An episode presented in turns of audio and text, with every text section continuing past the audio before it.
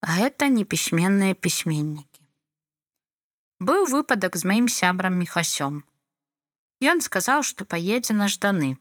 Трэба нейкія дэталькі для машыны. Пасля ўжо пры сустрэчы кажа: « Чуеш, што сёння адбылося. А ён размаўляў па-беларуску больш за 80 гадоў. Мехась быў вельмі ўпартым беларусам. Дык вось.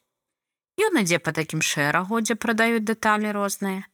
Бачыць, наперадзе стаіцца парожац, такі як у яго. Падышоў туды. Сядзіць мужик падобны да адстаўніка.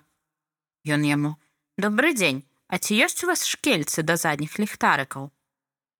Той слупянеў, адразу ўстаў на ногі, глядзець на яго і кажа: « А на каком это языке ты говоришь? По-беларуску.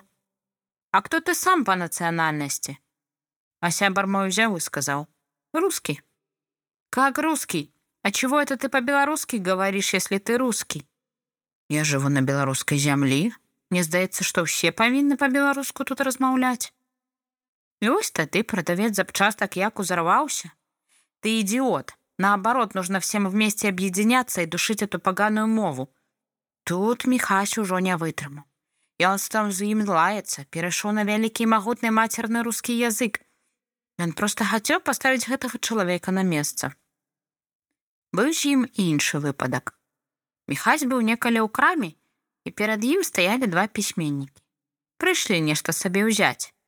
Як толькі яны падышлі да касіркі, адзін і другі перайшлі з беларускай мовы на рускую.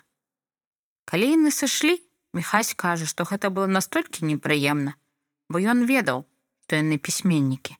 Ён сказаў: это не пісьменныя пісьменнікі. Вось гэты комплекс, это такая хвароба.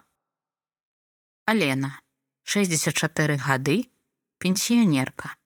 Раней выкладчыца музыкі. Лаяцца. Калі лаяцца народнай мове, то часцяком не так і крыўдна пасля такой размовы.